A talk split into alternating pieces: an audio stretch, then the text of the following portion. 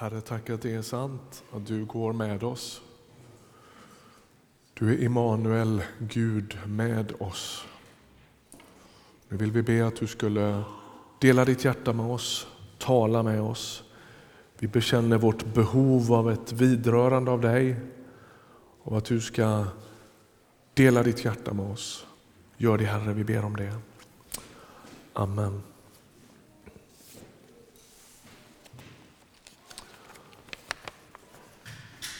När vi ber så där, att Gud ska tala med oss i gudstjänsten, så kan man inte underskatta sådana där böner. Utan jag tänker varje gång vi ber det så svarar Gud på ett eller annat sätt. Det har inte med predikanter och mötesserier och grejer att göra utan det har med Guds trofasthet att göra. Så underskatta inte den där bönen. Gud vill dela sitt hjärta med oss idag, jag tror det. Vi är del fyra av fyra i vår serie Från jihadist till missionär. Och den handlar om Paulus liv, även om det är ett ganska summarisk liksom, skiss såklart. Det är en fantastiskt rik historia och vi bara skummar på ytan. Men vi gör det utifrån ett alldeles särskilt perspektiv, nämligen hela det som är så jätteaktuellt just nu med religiös fundamentalism, våld, IS, alltihopa det här. Och så tänker vi så här, ja, men vi har ju en historia mitt i Nya testamentet som hjälper oss lite grann att dyrka upp det där. Därför att Paulus bar ju ganska stora likheter med militanta religiösa fanatiker i alla tider. De ser ungefär likadana ut har vi sagt. Det har funnits genom historien hinduiska fundamentalister som slår ihjäl folk och det gör det nu. Vi hörde nu ifrån våra missionsfält och internationella fält i Indien hur man, hur man halshugger människor och då är det hinduisk eh, fundamentalism som tar sig sådana uttryck. Paulus som judisk um, våldsam. Det står att han andades modlust. Han, han ger uttryck för ungefär samma sak. Vi vet att den kristna kyrkans historia är inte särskilt mycket vackrare utan vi har också huggit huvudet av folk i religionens namn. Kanske inte just vi, men ni fattar. Ja. Eh, och, och, och, poängen är någonstans att, att det är lite samma krafter i rörelse oavsett vad det är för etikett på. Och idag ska vi då landa den här serien och försöka fundera över Paulus liv utifrån ett lite annat perspektiv. Mitt, min rubrik för predikan idag den är Gud kan använda alla våra erfarenheter. Det är min rubrik på predikan idag. Ska vi fundera om det är sant? Ni får fundera på det. Själv påstår jag ju det då. Från jihadist till missionär. Eh, hur går det till när Paulus blir kallad? Vi har sagt nu flera gånger då att han, han möter Jesus på Damaskusvägen, på väg mellan Jerusalem och Damaskus i ett det är också lite intressant. Det är precis där allt det här äger rum nu. IS är på väg mot Damaskus, så är det ju. Och så får han hela paketet på en gång. Liksom. Han uppfattar att Jesus är Gud, vilket och att han är den utlovade Messias, vilket inte, alltså det måste varit en sprängkraft utan dess like när en fariseisk jude plötsligt upptäcker att, att Messias har gått mitt i land om han inte har fattat det. det, en, det den informationen innehåller en sån enormt livsomvälvande sprängkraft i Paulus liv. Men det räcker liksom inte där, utan dessutom uppfattar han sitt livsuppdrag i samma stund. Du ska bli en apostel eller en missionär till de icke-judiska folken. Och ibland när jag läser de här texterna, den här berättelsen återkommer vid flera tillfällen, så tänker jag alltså vi fattar inte vilken kris detta måste blivit i Paulus liv. Alltså, hans hela världsbild spricker sönder på Damaskusvägen och han får en ny. Det är en så djupgående liksom, förskjutning och förändring och förvandling i hans liv så det går inte riktigt att, att förstå det. Jag sa ju härom söndagen att jag tänker att det är ungefär som om Osama bin Laden hade suttit i en grotta i Afghanistan, mött Jesus, förstått att Jesus är Gud och missionsuppdraget som han får i samma stund där i grottan det är att han ska bli en missionär till New York och så ska han berätta för alla människorna som bor där hur mycket Jesus älskar dem. Det är ungefär den sprängkraften som finns i det här. Alltså det är osannolikt. Det finns inte på hans radar att han ska göra detta. Och då kommer frågan då. Vem är det som ligger där slagen till marken på vägen till Damaskus? Vi går till Apostlagärningarnas 21 kapitel. Apostlagärningarna följer direkt på de fyra evangelierna som är berättelserna om Jesu liv. Och Sen kommer fortsättningen. Vad händer efter Jesu uppståndelse? Det följer i Apostlagärningarna. Och Paulus är en av flera centralfigurer i Apostlagärningarna. Och vi läser, vi kommer in lite mitt i här. Paulus är tillfångatagen i vanlig ordning, höll jag på att säga. Det händer gång efter annan. Och då står det så här. Man ska föra in Paulus i en fästning till för förhör. Just som man skulle föra in Paulus i fästningen, vers 37 är vi på. Då frågar han kommendanten, får jag säga dig en sak? Jaså, du kan grekiska, sa denne. Då är du inte Egypten som för en tid sedan uppviglade de 4 000 knivmännen och drog ut med dem i öknen. Paulus svarade, jag är jude från Tarsos i Kilikien, medborgare i en betydande stad. Jag ber att du låter mig tala till folket. Kommendanten gav honom sin tillåtelse och uppifrån trappan gjorde Paulus tecken åt folket att lyssna. När det blivit tyst började han tala till dem på hebreiska. Bröder och fäder, lyssna på vad jag nu ska säga, har att säga till mitt försvar. När de hörde att det var på hebreiska han talade till dem blev det ännu tystare. Och han fortsatte. Jag är själv jude, född i Tarsos i Kiliken men uppfostrad här i staden, alltså Jerusalem. Hos Gamaliel har jag fått grundlig undervisning i vår fäderneärvda lag. Jag har kämpat för Guds sak lika ivrigt som ni alla gör idag. Jag har varit dödsfiende till vägen och tagit fast både män och kvinnor och satt dem i fängelse. Det kan översteprästen och hela rådet intyga. Av dem fick jag med mig brev till våra bröder i Damaskus och reste dit för att också där fängsla folk och föra dem till Jerusalem där de skulle få sitt straff. Och sen fortsätter det då. Men under färden, och så kommer berättelsen om när han möter Jesus på Damaskusvägen. Okej, okay. ska vi försöka lägga ett litet pussel nu då och fundera på vem Paulus är? Han är jude. Han säger att han är av Benjamins stam på något ställe. Han är född i en stad som heter Tarsus. Nu blir det lite skollektion här. Är ni med på att vi är i Medelhavsområdet? Rom ser ni, Jerusalem längst ner och så nuvarande Turkiet där Tarsus ligger. Och Tarsus är en betydande stad, en sorts huvudstad i en provins som heter Kilikien. Och den är väldigt strategiskt placerad den här stan. Den ligger ju precis på gränsen mellan öst och väst och blir en väldigt viktig knutpunkt för kultur, handel, språk och så. Det är en smältdegel den här stan av olika folk, olika influenser, olika språk. Han är medborgare i Tarsus, säger han, vilket innebär att han har ett grekiskt medborgarskap. Lite senare här i, kapitel 22 så säger han att han är romersk medborgare också. Okej? Okay? Och utifrån en del av de här ledtrådarna så kan vi veta då att Paulus talar hebreiska. Det såg vi här, han är ju jude. Han talar grekiska. Så inledde den här texten. Eh, han kan förmodligen tala arameiska, vilket är Jesu modersmål. Och förmodligen, eftersom han är medborgare i en grekisk stad eller i en romersk stad, så kan han också latin. Okay. Det framgår inte om han kan de tyska prepositionerna som styr dativ, men förmodligen.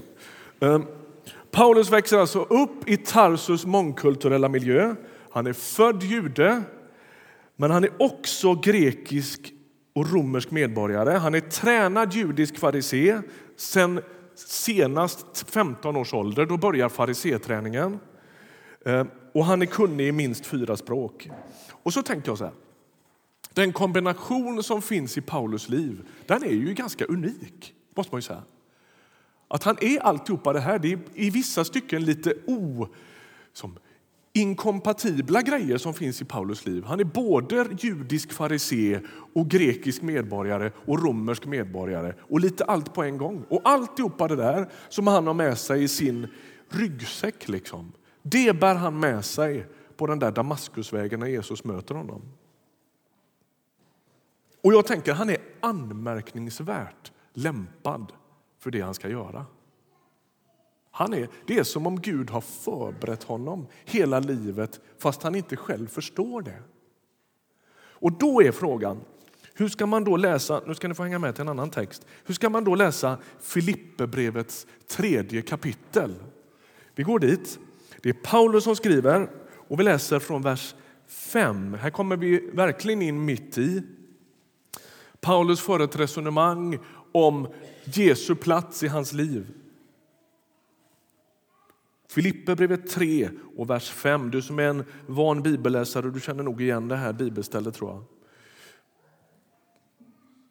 Jag blev omskuren på åttonde dagen, jag som är av Israels folk och Benjamins stam, en hebré, född av hebreer, i laglydnad en farisé, i trosiver en kyrkans förföljare, i rättfärdighet efter lagen en oförvitlig man.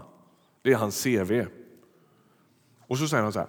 Men allt sådant som var en vinst för mig har jag för Kristi skull kommit att räkna som en ren förlust. Ja, jag räknar faktiskt allt som en förlust jämfört med det som är långt mera värt, kunskapen om min Herre Kristus Jesus. För hans skull har allt det andra förlorat sitt värde för mig. Jag kastar det på sophögen för att vinna Kristus. Vi stannar där. Här ser det ut som om Paulus drar ett streck när han blir kristen. Som om allt nollställs. Liksom. Inget av hans tidigare upplevelser och erfarenheter verkar han bära med sig in i sin kristna tro, utan allt nollas där. Ni vet som man trycker på en sån här eh, trippmätare på bilen. Det spelar liksom ingen roll hur långt man har kört. När man trycker på den där då står det noll. Sen finns det en annan mätare där det aldrig står noll. Men ni vet. Och, och det ser ut som att han gör det då. Va? Eh, här verkar det bara vara framåt som gäller. Här ser vi oss inte tillbaka. Och är det det som är hans poäng? Det är frågan. Blir Paulus historielös när han möter Jesus? Skäms han över hela sitt liv och bara låtsas som att det inte finns? Allt det som har skett före han mötte Jesus. Ja, men häng med nu lite. I Filipperbrevet 3 talar Paulus om hur man räddas. Vad man lutar sig mot i sitt kristna liv. Vad som djupast identifierar identiteten och vem man är. Han ställer laglydnaden, han ställer den etniska tillhörigheten som jude och Israel. Han ställer eh, sin, sin bokliga bildning, eh, ivern att, att, att förfölja kristna, alltihopa det där. Inget av det lutar han sig mot längre. Inget av det definierar på djupet vem han är. Det är inte längre hans stolthet. Han hänger inte på det och lutar sig inte mot det längre. Där finns nämligen inte frälsningen. Man kan inte luta sig mot alltihopa det där av erfarenhetsbank och tro att det ska rädda en. Det spelar ingen roll om man skäms över sin historia eller om man är stolt över sin historia. Det intressanta med det här det är ju att det han slänger på sophögen är det han är stolt över. Eller tidigare har varit stolt över. Det är ju inte det han skäms för. Men det betyder inte att Paulus är fullständigt historielös eller att han försöker nollställa sig på livets alla områden när han blir kristen. Självklart bär Paulus med sig sina livserfarenheter in i det nya livet. Självklart gör han det. Han är fortfarande romersk medborgare.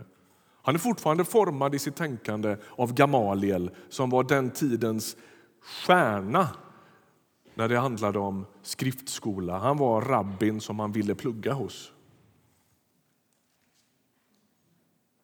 Han, är fortfarande, han kan fortfarande de där språken. Han har både goda upplevelser och förfärliga upplevelser med sig in i det nya livet som kristen. Och de raderas inte ut på det sättet, utan de är en integrerad del av hans historia. De är med och har format honom till den han är. Vad är det som händer då med allt det där som är Paulus liv. Tänk dig att, att han bär med sig alltihopa det här in på den där Damaskusvägen. Gamaliel och språken och Rom och Grekland och, och fariseismen och alltihopa det där. Och så bär han med sig det in på Damaskusvägen och så möter han Jesus på ett sätt så att han knockas till marken bokstavligen. Och vad är det som händer med alltihopa det där då? Ja, det är som att Jesus rör vid det och märker det med sin närvaro. Han kastar inte ut det. Han förkastar det inte. Utan han märker det som är Paulus liv med sig själv. Han tar Paulus liv i sina händer och på lite religiöst språk skulle man kunna säga att han helgar det förtjänst i Guds rike. Alltså han renar det, han upprättar det, han helar det så att de erfarenheter och den personlighet och alltihopa det som han bär med sig in där kan användas för att förhärliga Gud. Jag vill att du hör, det kan låta som en liksom lite så här, bara krumbukter och att det, vad spelar det för roll? Det spelar all roll att du tror att du inte behöver stänga ute ditt liv för att tjäna Gud. Gud verkar i ditt liv. I ditt liv, i dina erfarenheter, i din personlighet, i allt det som har format dig till den du är. Förträng inte det, förskjut inte det. Men det måste på något sätt tas i Guds händer och, och, och förvandlas. Alltså på ett frommare sätt skulle vi kunna säga då att det måste helgas, det måste renas, avskiljas för det som Gud har tänkt. Låt oss se lite hur det gick till i Paulus kollega Petrus liv. Vi går till Lukas evangeliets 22 kapitel. Lukas 22. Vi kommer in i berättelsen här där allting är väldigt skarpt läge. Jesus ska snart avrättas. Eh, de är precis på väg till den där trädgården där han ska kämpa i bön och sen så börjar liksom hela dramat med korsfästelsen och alltihop. Och då, säger, då vänder sig Jesus till sin lärjunge Simon Petrus och så säger han så här, vers 31. Simon, Simon, Satan har utvecklat åt sig, utverkat åt sig att få sålla er som vete. Men jag har bett för dig att din tro inte ska ta slut. Och när du en gång har vänt tillbaka, så styrk dina bröder. Det här utspelar sig alltså när Jesus snart ska lida och dö.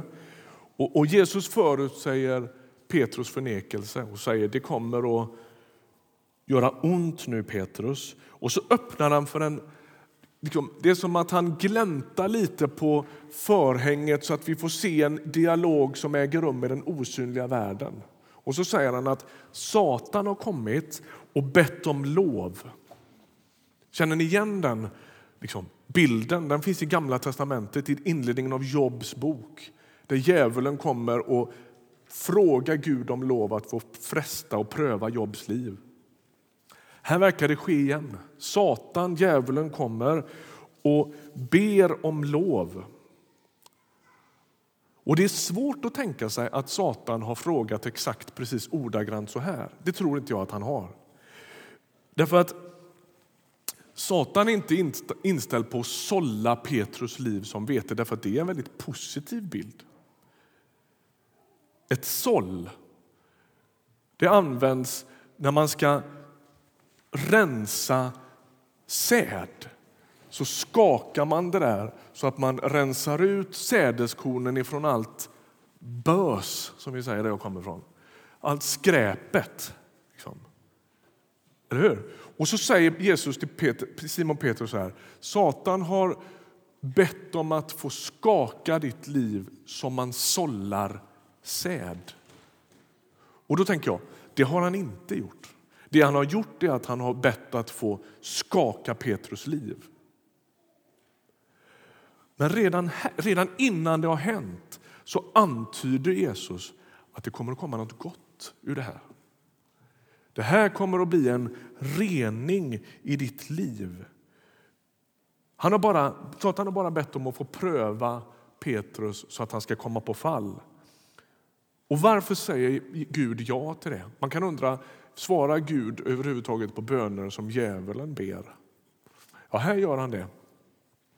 Därför att Satans skakningar tjänar Guds syften. Lyssna nu. Petrus förnekelse den är inte god i sig själv. Den är ju, det är en katastrof som äger rum. Det är en personlig katastrof. Han som ska bli församlingens ledare han vill inte kännas vid Jesus. Han svär på att han inte vet vem han är. Det är ju, det är ju förfärligt att det händer. Det är en djup, djup katastrof i Petrus liv. Men du vet vad vi brukar säga, jag har sagt det här förr. Poängen i Bibeln är inte var smärtan kommer ifrån utan vad den leder till. Det verkar vara fokus i bibeltexterna. Bibeln svarar inte alltid fullödigt på smärtans ursprung. Men däremot är den väldigt intresserad av vad det kan göra med en människa. Och då säger Jesus att Satan har bett om lov att skaka Petrus liv. Gud har gett sin tillåtelse därför att ur Guds perspektiv är det som sker en sållning. Något gott som äger rum. Petrus djupaste svek, hans mörkaste stund i livet, hans utan jämförelse sorgligaste erfarenhet i livet. Det är det som gör honom till en god ledare sen. Så är det. Det är ju det som gör att Petrus i sitt första brev kan säga sätt allt ert hopp till Guds nåd. För Han har nämligen provat att sätta sitt hopp till sin egen förträfflighet och duktighet och styrka. Och det sket sig, som man säger. Och Satan skakar hans liv och utifrån den skakningen så försvinner en del av böset, skräpet. Och så används smärtan i Guds hand till att göra något gott med det.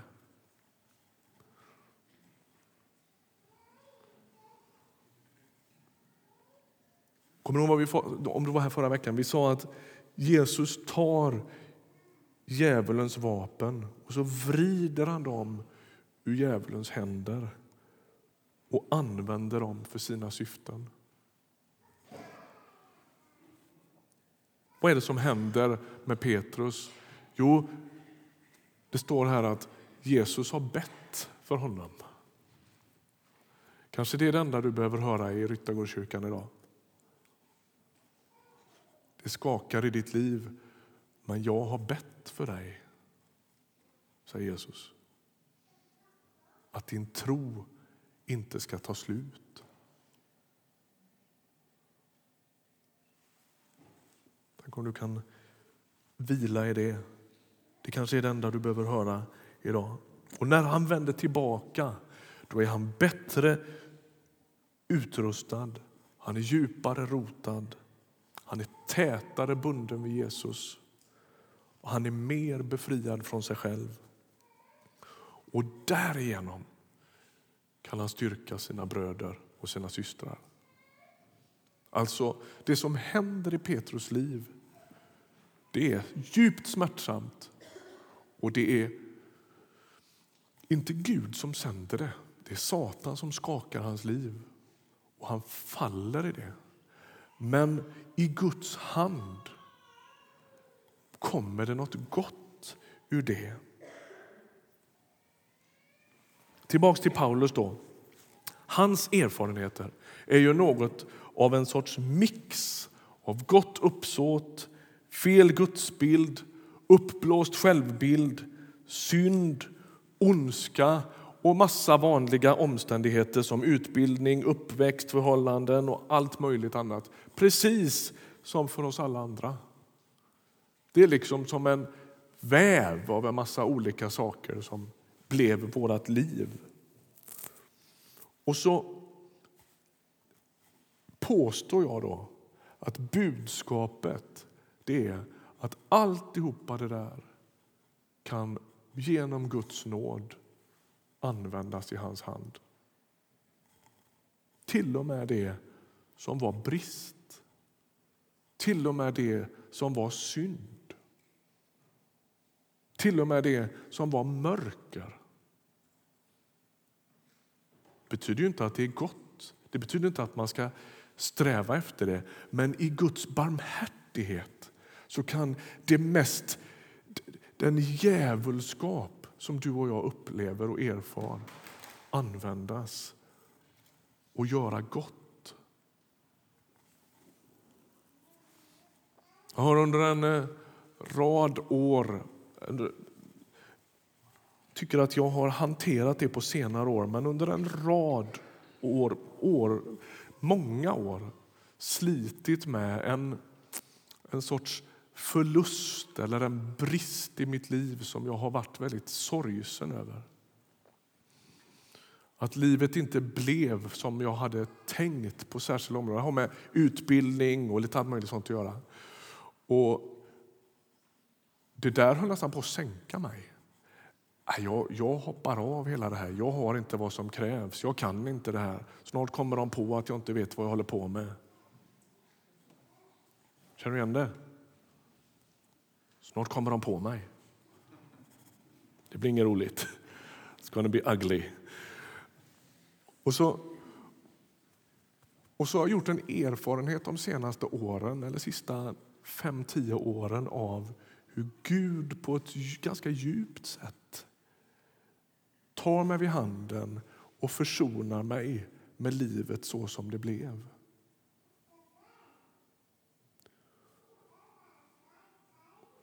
Och så gör han inte bara det. Utan så kan jag märka ibland hur han också lyckas ta det som var en sorg och en förlust och inte bara försona mig med det utan använda det till något gott. Och jag tänker, det är så evangeliet funkar. Om du inte tror på det, om du är skeptisk till den här predikan så tycker jag du ska titta lite på väggen här. Det här är det vackraste vi vet, eller hur? Ett kors. Vi sjunger sånger om det, vi läser bibeltexterna om det. Vi ber och vi tackar Gud för korset.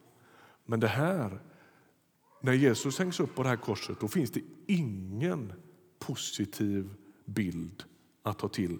Det här är bara demoniskt, djävulskt, mörkt, ont. Är ni med? Det är som om vi skulle hänga upp en elektrisk stol på väggen.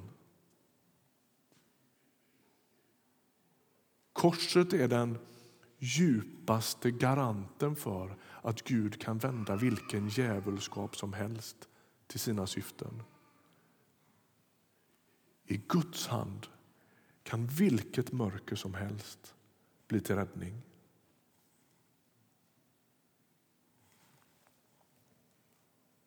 Ett romerskt brutalt mordredskap som inte förknippas med någonting annat än död och förödelse. Det lär ha varit så här att de konstnärer som levde under romartiden och antiken de avbildade aldrig korsfästelsen. Kors, Jesus på ett kors han avbildas bara på det sättet när alla som har sett en korsfästelse är döda. Har man sett en sån kan man aldrig göra ett konstverk av det, för det är så brutalt. Och det tar Gud i sin hand.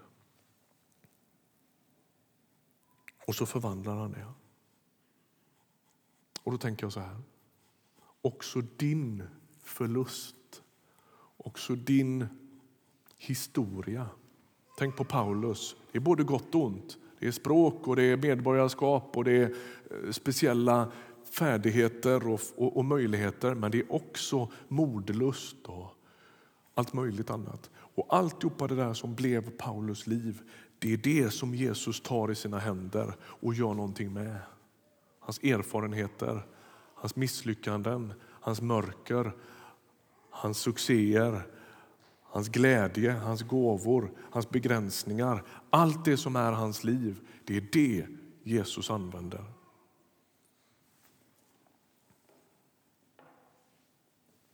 Förra veckan så sa vi som kristna kan vi betrakta världen genom korsets lins. Och idag tänker jag att vi fortsätter på det temat. Också våra egna liv läses bäst genom korsets lins.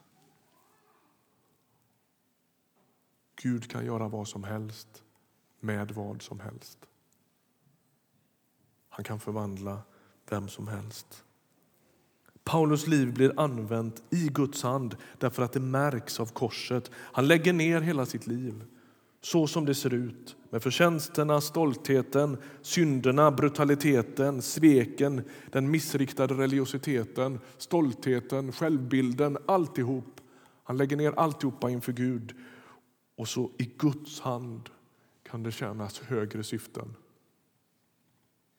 Man ger det till honom så får han göra något med det. Lyssna nu, det har ingen mening alltihopa det där, men det kan få en mening. Ditt, dina brutala erfarenheter av hur livet har fått fram med dig. Vi söker inte till varje pris finna någon sorts mening i det som har hänt, men i Guds hand kan det få det, därför att han kan göra vad som helst med vem som helst.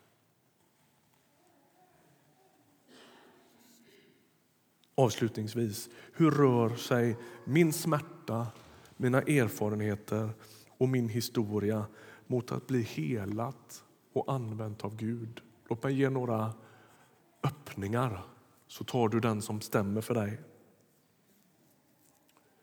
Det första, be för varandra. Kanske vänner, hemma i familjen eller i din cellgrupp. Och jag säger som jag sa inledningsvis, underskatta aldrig de bönerna. Be för varann.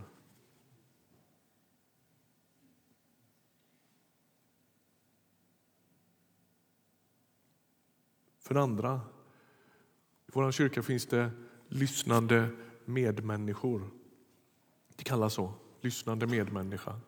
Och du kan samtala med någon och sortera lite i det som är din, ditt liv, om du har behov av det. Ta den chansen. För det tredje, kanske du är i ett läge när du faktiskt skulle behöva bekänna din synd för någon. Det står i Bibeln att vi kan få bekänna våra synder för varandra.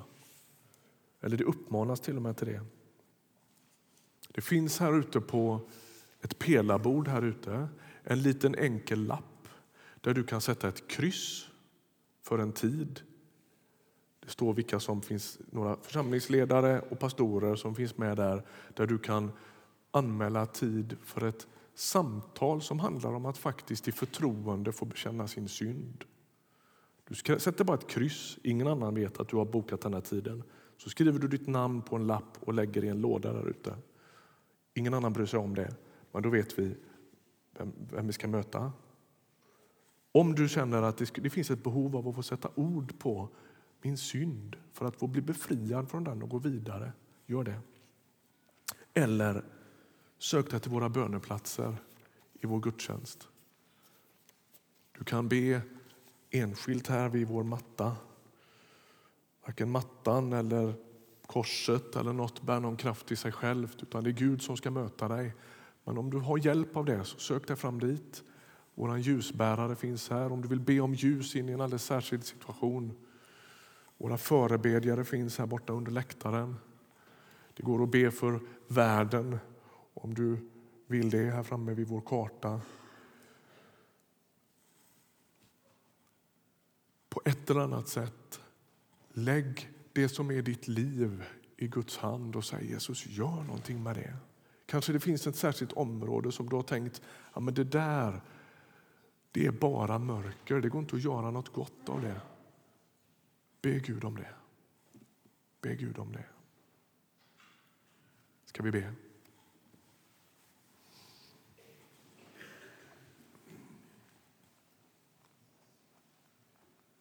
Jesus. Du är livets källa. Från dig kommer liv, liv i överflöd. Tack att du möter våran ibland brända jord med ditt eget liv. Tack att du nådefullt möter oss precis där vi är, inte där vi borde vara. Och Herre, tack att du förmår att till och med göra någonting med våran smärta, med våra svek, med vår sorg,